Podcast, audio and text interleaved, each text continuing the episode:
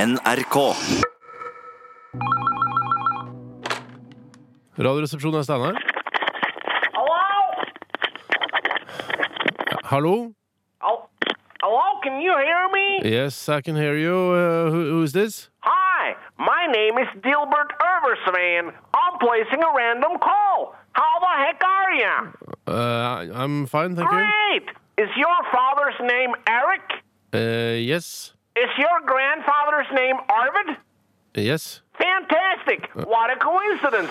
I'm sitting here working on my family tree online, and it looks like you and I are related way back. We have the same great, great, great, great, great, great, great, great grandfather. okay, but what... Uh, Do you have a family tree on your homepage, Steinar?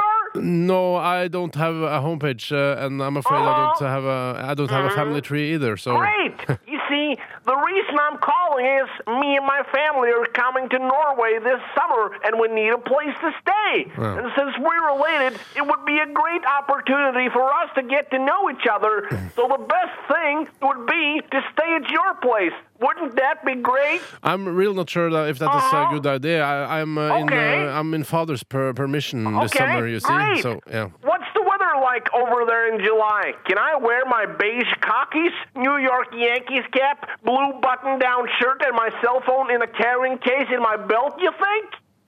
Uh, Dilbert, look, I don't know you, but uh, I think it's Okay. best you stayed in a hotel, maybe. Uh, I have a picture of my outfit. It's a great shot. I can send it to you if you well, like. Dilbert, no, wait. Do you have a Facebook account? Mine is open. Check out the pictures of my family from when we were on vacation in California last summer. My wife in a bikini. That's a great shot.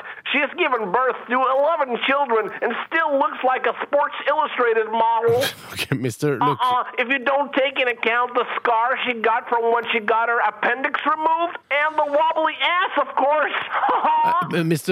Översven, I- I, I just have to say that you, you can't stay Last at time our we were place. in Norway, we had rumgrut at Frognerseateren. Have you had that? uh, had what? Rumgrut? Uh, I'm, I don't understand. The... Rumgrut? Oh, r- rømmegrøt. Yeah, rumgrut.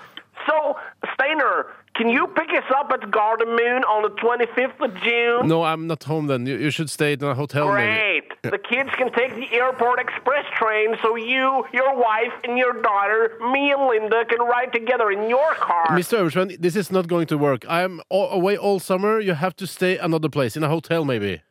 Listen to me, you sexy, chubby motherfucker. I raped and killed women and children as a United States Marine back in Iraq. I know how to handle cucksuckers like you. Me and my family are staying in your fucking apartment this summer. End of fucking story. Pick us up at the airport, I'll kick your fucking ass!